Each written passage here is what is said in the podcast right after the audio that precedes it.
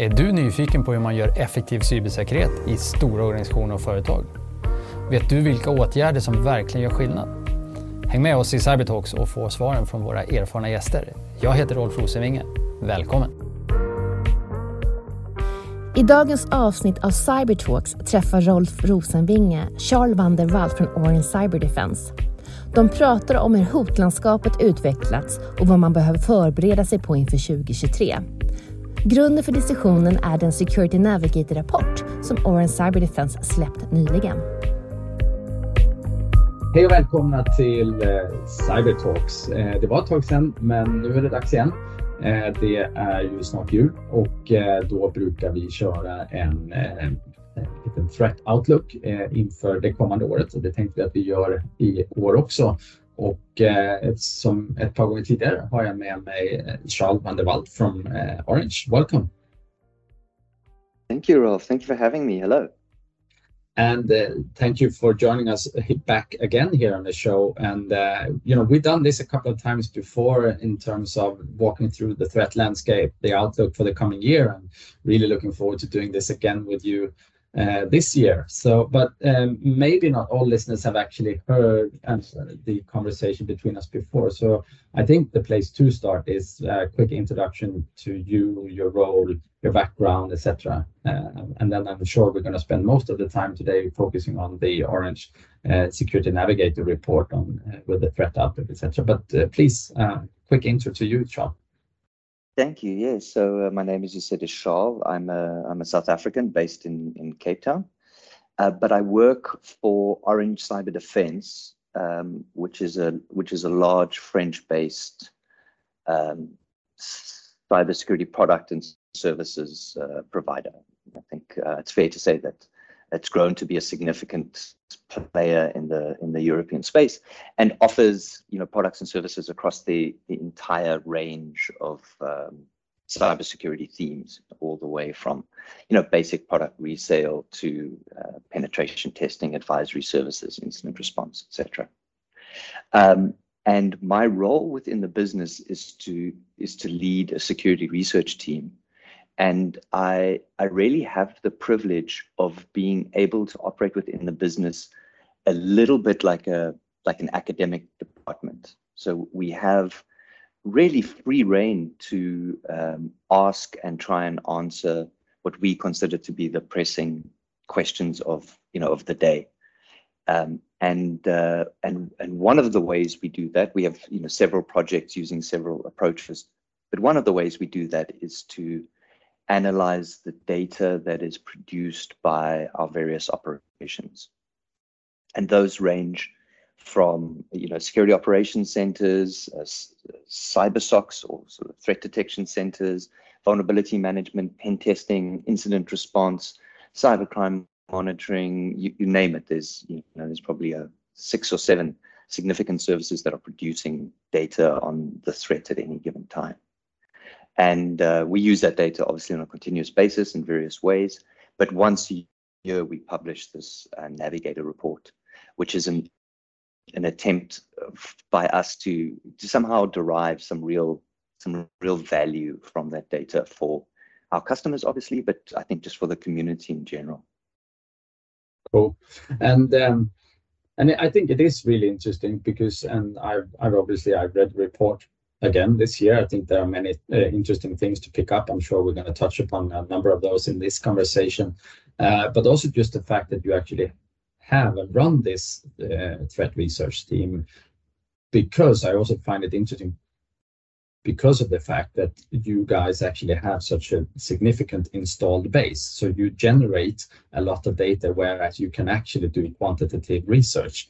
Uh, and not everyone is in that position, which I think is is that's also one of the reasons why I think this is actually extra interesting to uh, to hear what you found this year.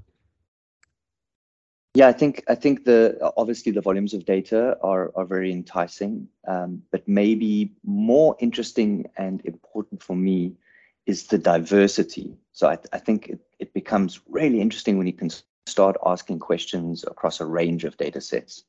Uh, for example, in the report, we um, we briefly uh, uh, reflect on how the Log4j vulnerability affected our clients, and you know we can look at it in all the data sets, which I you know which I think is very um, very rewarding. But the other is is that um, you know we are a global player, but we are very European centric, and I and I feel kind of proud and excited that we can offer a perspective that's really kind of rooted in Europe rather than uh, you know coming to us out of out of America, which is typically the pattern.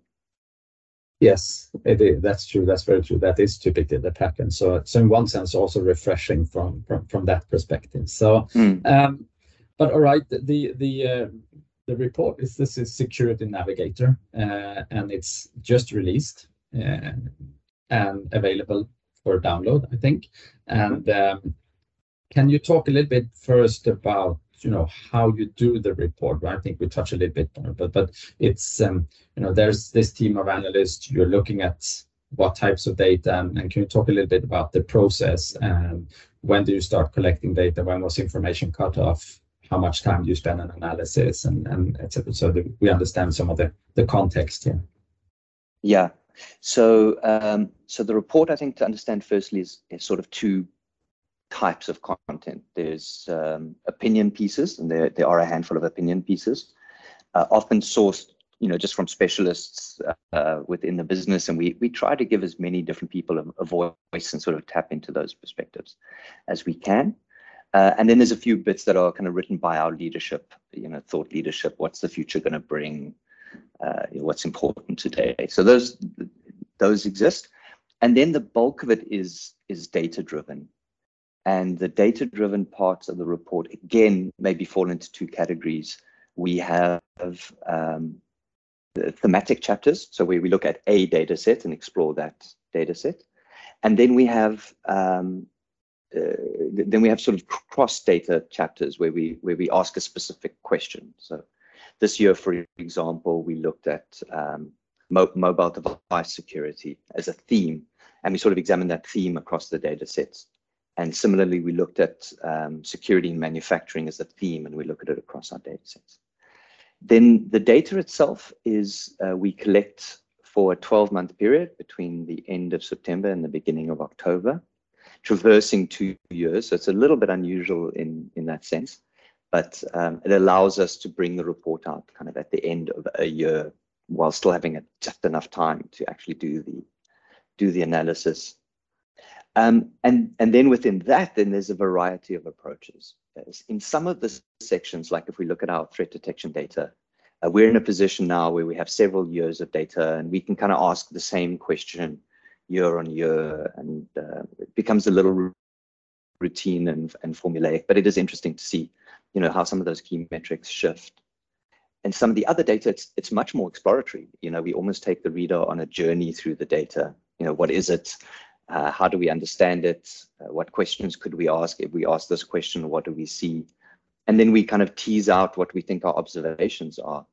Um, and sometimes they're powerful and meaningful and sort of paradigm shifting, and sometimes they're they're not. Um, but it's quite authentic in in the approach. We uh, we we get the data, we normalize it, we work with operational teams to understand, you know, what it can and what it can't tell us.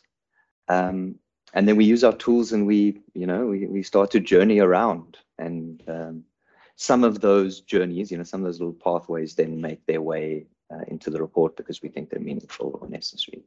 Yeah. Oh that's cool. Um, so the way i thought about this was that i i have a couple of paramount questions and, and then let's go in and break down you know some of those questions in, into more deep dives uh, that I think you are also talking about in the report. And uh, but maybe the place to start here is if you could high level give the short summary of the threat landscape development. You know, what are the major changes? What are the constants? Um, and maybe also have a, a, little bit of a forward-looking view here. So based on that data, what are the main predictions for going into 23? Oh, uh, you'd think I'd be ready to answer that question, hey? Um, so the the state of the threat as we see it today, of course, in the navigator is shaped by what we get to look at.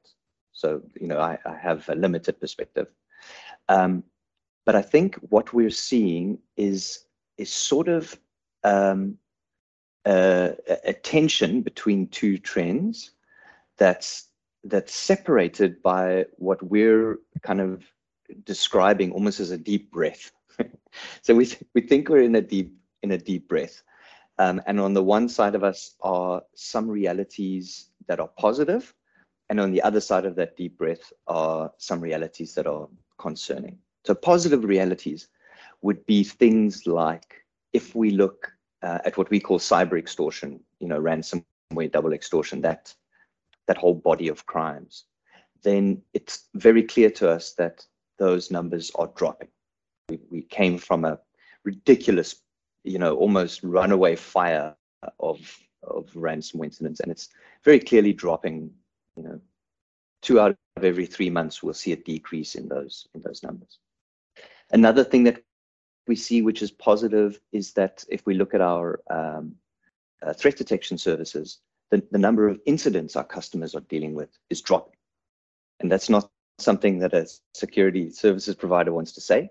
Um, but I think it's objectively true that the per month, per customer, the number of times our customers are getting a phone call from us to say, hey, something has gone wrong, is down by, call it 18, 18%. Another positive sign, uh, which, which is one of my favorite parts of the report, is where we look at penetration testing data. So we've taken about four years of uh, custom penetration tests and and quantified them. And you know, some of those stats are remarkable. We reckon that on average, our testers are spending about 10% more time to achieve the same level of outcome, if you like. So call it 10% harder. That's across all our customers. But of course, a large portion of our customers are well established um, and have been with us for a long time. If we look only at customers that engage with us once and once only in that data set, then the level of effort for our pen testers has increased by about 50%. It's, it's almost 50% harder to achieve the same outcome. And in speculating about that, you know, we believe that that's a function of uh, technology evolution. And when a, when a new business comes to us with a new platform, um, they're generally building on a set of technologies that are uh, you know, much better designed, much better written, generally in the cloud. You know, the security principles are well implemented. And so the, the sort of low hanging fruit that you find with the old legacy businesses uh, isn't playing as much of a, of a role anymore. And I think that's a really, that's a really positive sign. You know, there's, there's genuine signs of, uh, of improvement. And very few, um, very few opportunities to to really kind of stand on the roof and shout fire. You know, sort of balanced and measured um, progress, it, seems to us. So just one more example of a, I think a positive outcome has to do with the with the war in Ukraine, which we which we also consider closely in the report. Um, and there, of course, there's different perspectives, but I think it's objectively fair to say that the sort of cataclysmic, NotPetya style, you know, global incident that so many of us anticipated simply didn't materialize. And you can speculate about why that is, but I think one factor has to be that uh, Ukraine and her allies simply did a better job of, um, you know, building resilient systems and, uh, and withstanding those attacks, and that's a positive outcome. Cool. Um, so, so, sorry, Rolf, did you want to ask a question?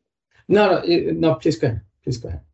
Yeah, so I was going to say, um, so so that's that's if you like the one the, the, the one perspective that you get the other perspective that you get uh, it comes up when you look at some of the legacy systems and and legacy environments legacy paradigms.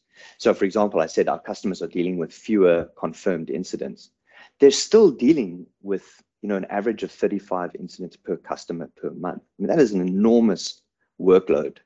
If you consider that you know this is somebody phoning you up and saying something just happened in your network that you're probably not going to be happy about and that's happening more than once a day that's you know that's pretty um, sorry one yeah more than once a day so that's concerning another thing that's concerning is again if we look at the vulnerability management and pen, test, pen testing stats while there is this downward trajectory and we're seeing an average of uh, 215 days to patch a reported vulnerability, over 180 days to patch a um, critical vulnerability.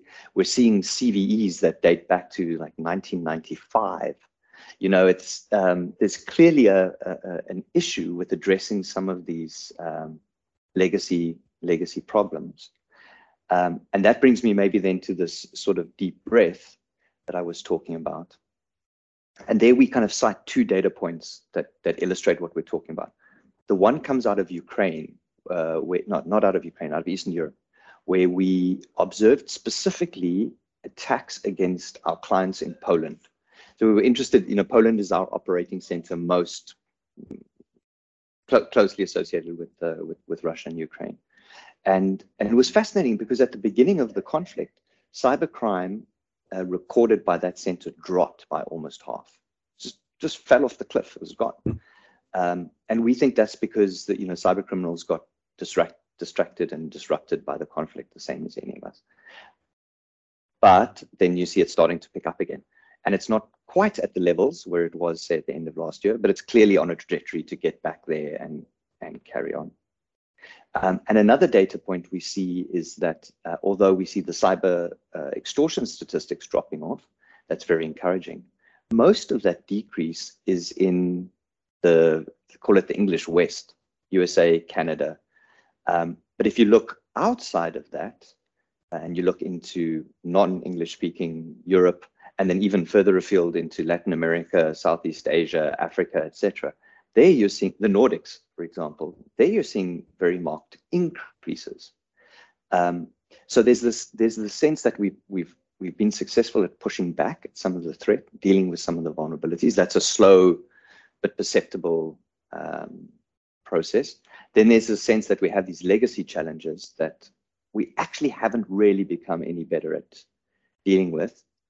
And then in the middle, there's a sense that the threat is perhaps recalibrating, you know, regrouping, uh, considering new approaches.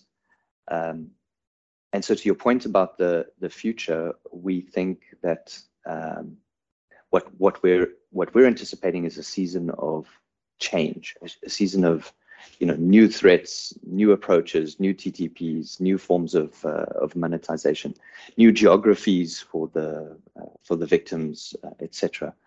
Um, and it's it's not going to be, I think, objectively better than it was. It's just going to be uh, different.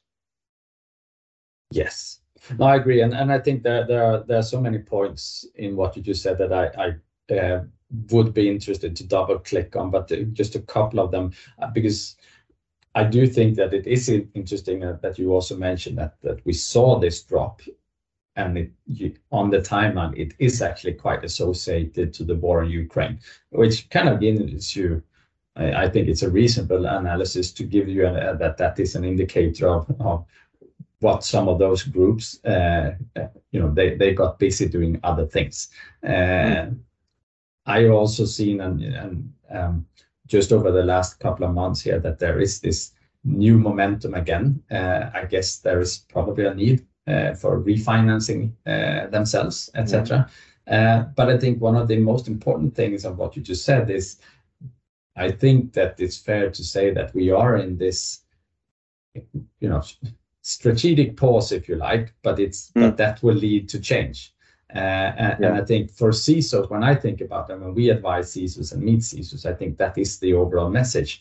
I think in one sense, we had a very dominating threat for a couple of years now, which is ransomware evolving into cyber extortion in, in a wider context. And in one sense, it was hard because we weren't prepared, but it was also easy because mm. we knew what to, what to defend against. And, clear. Yeah. and and now we are moving into a much more integrated threat threat landscape where several different dimensions will come into play. My assessment. Would you say that your data and your analysis support that uh, that thesis? Uh, I just need to caveat by saying um, I get the impression that data almost never clearly supports a thesis, but um, my impressions from kind of wrestling with the data is exactly what you're what you're saying.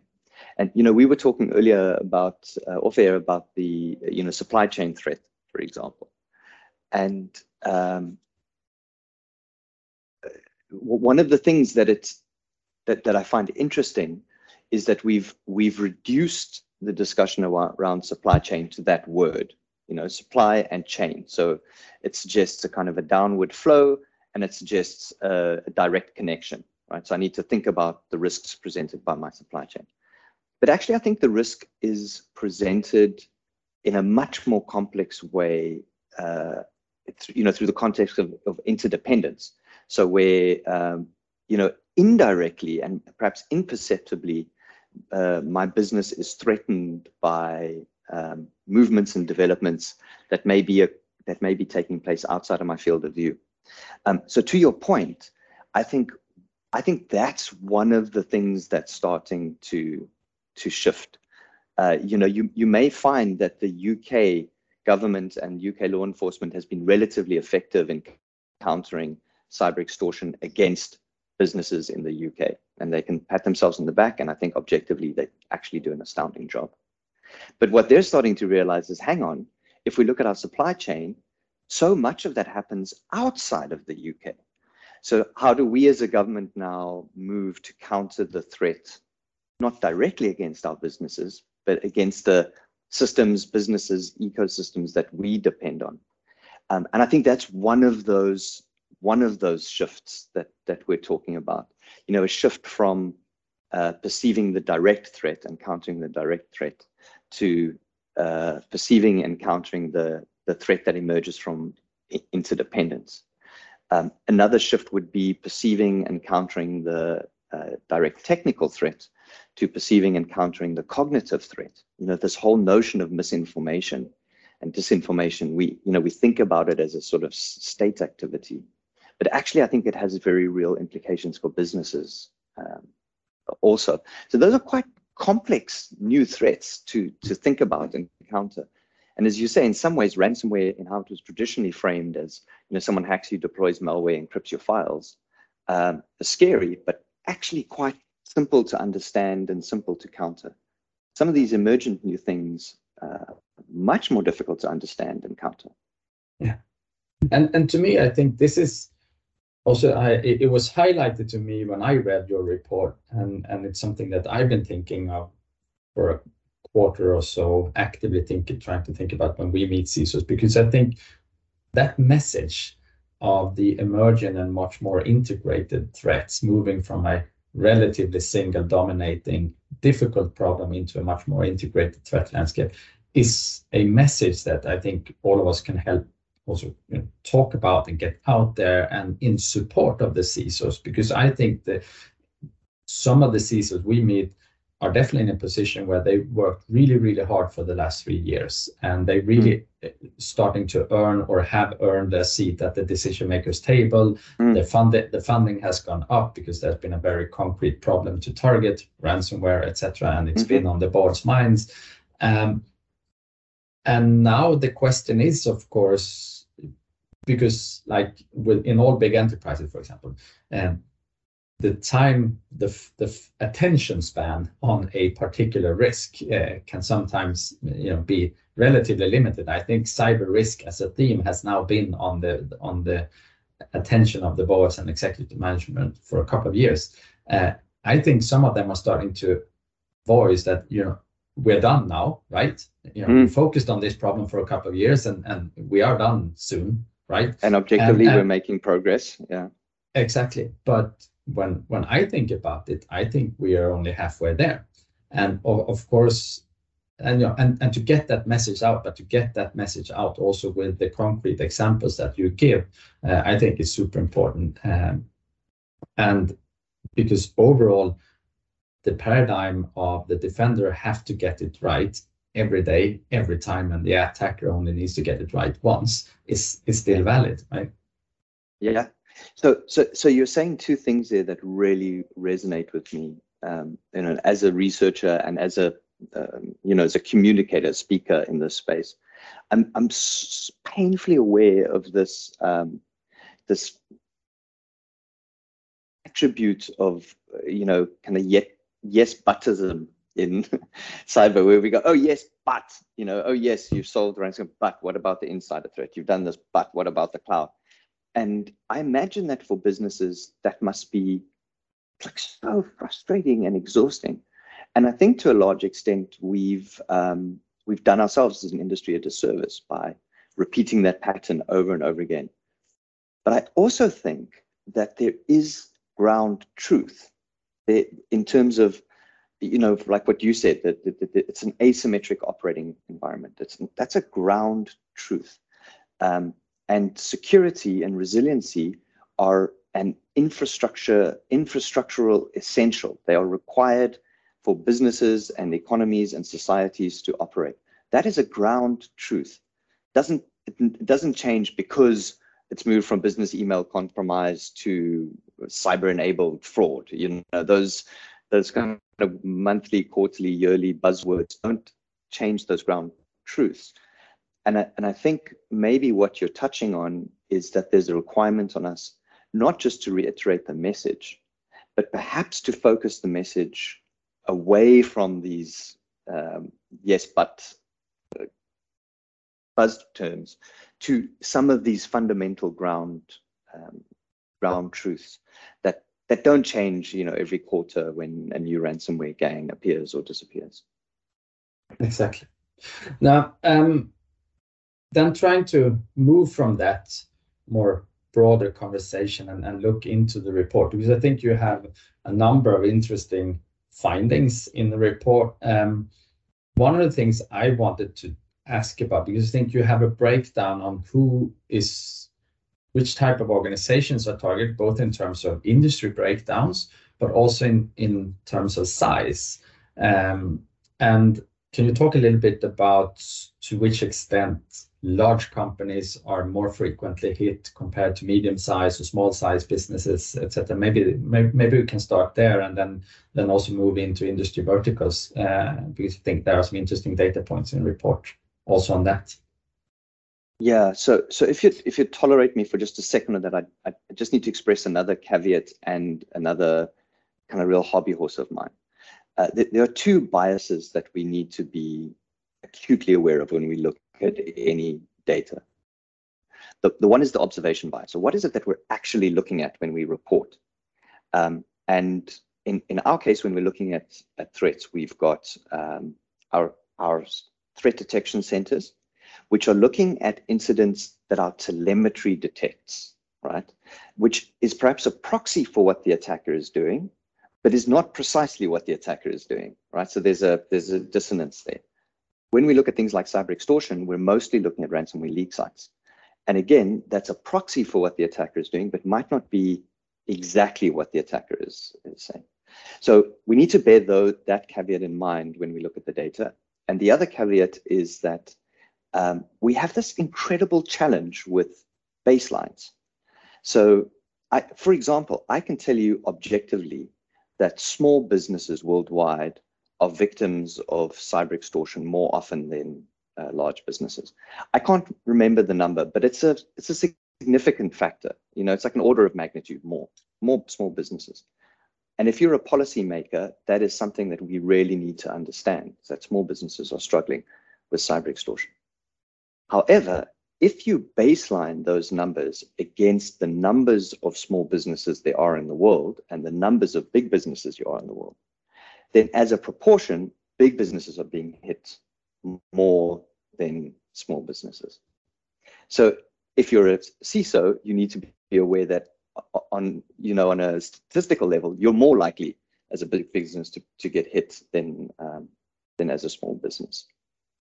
And the same is true when um, when you look at uh, uh, industry verticals. So you have to apply the same sort of dynamic. So short answer to your first question is we we see when you look at cyber extortion, so that's from observing leak sites, that um, big businesses are being uh, hit proportionally more, but volumetrically small businesses are. If we look at our threat detection data, then we see, again, more activity from our big businesses. But there we have a massive baselining challenge because, you know, a big business, uh, per the sort of whatever NAICS definition, is 10,000 employees or more. A small business could be less than nine. Um, so just in terms of sheer volumes, you're seeing big businesses having to deal with um, with many more incidents. And the predictor, I've become convinced, is simply the number of users. So the number of cyber activity that you see is going to correlate almost perfectly with the number of uh, of users that you have. Excellent. Um, and I think those are, you know, and, and there's plenty of detail uh, in in the report, and uh, you know, encourage the the listeners to go in and actually read up on it because I think there are some really valuable information that can be pulled out from that when you go into your own strategic planning for 23 and how you want to organize and improve your defenses uh, if you're a CISO. Um, but so thank you for that. Um, time flies. Um, and, there's a couple of more questions I would like to touch upon, also a little bit forward-looking ones. One of the things that at least I'm thinking quite a lot about, you know, I think this a lot of the geopolitical conversation has been very much of, for obvious reason about Ukraine and, and, and Russia, and which has then led to certain effects on, on the cyber arena. We talked about the drop of, of cyber extortion cases, etc. But um, one of the things that seem to concern a lot of CISOs we meet is the fact that the US-China re relationship is rapidly deteriorating and moving from you know, healthy competition to much more of an adversarial uh, relationship.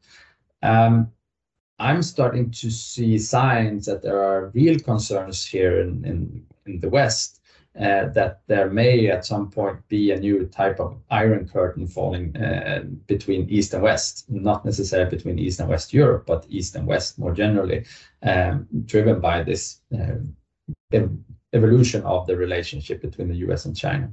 Um, some are thinking that this may uh, lead or have already started to lead to much more aggressive uh, theft of intellectual property and, and uh, data loss. Um, is this something that you guys have been looking at? Would you agree that that is a risk to start to more actively factor in, if not already factored in, into the plans for the CISO for 23 and beyond? Yeah, absolutely. Uh, and in fact, there are two systemic factors that we that we track acutely. Um, the one is uh, the broader impact that uh, government investment in cyber capabilities has on the ecosystem. And our hypothesis there is simply that when when when governments hack, they create ecosystems, injecting money, skills, resources, demand, etc. Um, and that manifests in different ways, but broadly speaking, it inflates the threat for uh, for all of us. And the second um, related trend that we track is what we call balkanization which uh, I think is another way of phrasing this uh, east-west uh, iron curtain that that you're speaking about. Um, but on the topic of the east-west iron curtain, just as an aside, the where balkanization goes beyond the, the, the iron curtain is that balkanization assumes that there's a there's a group on the one uh, sorry the iron curtain assumes there's a group on the one side and a group on the other. What balkanization recognizes is that the rest of the world will then orient around those groups and how that looks is not necessarily clear, particularly when you look into the developing world, Africa, Southeast Asia, uh, Latin America. You know, it's it's not clear how those alliances will um, will form, and in turn, therefore, how that will affect things like your supply chain. So, um, absolutely, I think that that is a big factor. Um, then, coming back to your earlier point um, about you know the direct threat of uh, of cyber espionage and particularly economic espionage I think it's fair to say that when you try and anticipate what a state actor is going to do, their cyber activities are going to be a projection of their uh, traditional activities. It, will manifest in the same in the same ways uh, because of culture and constraints and you know policies, um, and and so that pattern that I think is generally agreed one sees manifest by uh, China. Um, I think you can anticipate that that will that will continue and that will um, that will escalate. Um, and I think maybe what's important for your listeners to think about is that when you think about how intent is expressed in cyberspace through hacking, so you, you have a policy decision, we want to collect intellectual property, then we have this idea that that then results in, in someone being tasked to target a specific company with a specific goal in mind. I think that happens to some, some extent, but I think it's just as common that people get tasked to find businesses that can be compromised in order for intellectual property to then be examined and potentially stolen. Um, and so when this when there's an escalation in intensity by an actor like China or the, ransomware crews in Russia, or whatever you know, whatever the origin is, when there's an escalation in intensity, that doesn't always manifest in specific directed threats. It often manifests in a more broader, you know, I, I say we, we like to talk about a hunt, but I think it's more like a harvest. There's this sort of general spray that um, that affects all businesses, even if they don't appreciate or think that they have something that might be of value to the adversary. Excellent. And I think that's a that's a very important point. So assume that you can be a target. Yeah, I think that's that is the overall message also also for this particular risk. And I do think absolutely you're absolutely right. Again, on yes when we talk about data loss and uh, the, I think this will reiterate if you like some of the, the, discussions that I think we've had earlier here on, on the podcast as well in terms of the supply chain risk conversation the insider threat conversation again because they they are all mechanisms if you like to achieve if the the goal is to achieve uh, you know, theft of intellectual property uh, as an example. Yeah. Um okay so but as as always, when we get a chance to chat, uh, you know, time flies. Uh, I think we're almost done. The the report is the Security Navigator. I think it's available for download. It's definitely worth to read, um, and uh, lots of good insight and data points uh, in there. And I actually like the breakdown where you both have the opinion pieces and the more hardcore raw data sets uh, presented in, in a quite digestible way. So and, and oh, so so congratulations on a great report again. Thank you. Thank you, Rob. And thank you again so much for having me. I, I feel like I always just talk my mouth off and we never get through everything we said we wanted to discuss. Appreciate you giving me the platform. Absolutely, it's uh, it's a pleasure on my side as well, and very insightful. Uh, so thank you so much for joining, and uh, Charl van der Walt, uh, thank you for joining here on Cyber Talks, and to the listeners, uh, until next time. Thank you, Rob. Go well. Podden är ett samarbete mellan Orange Cyber Defense och Paliscope och spelas in och klipps på Om Media.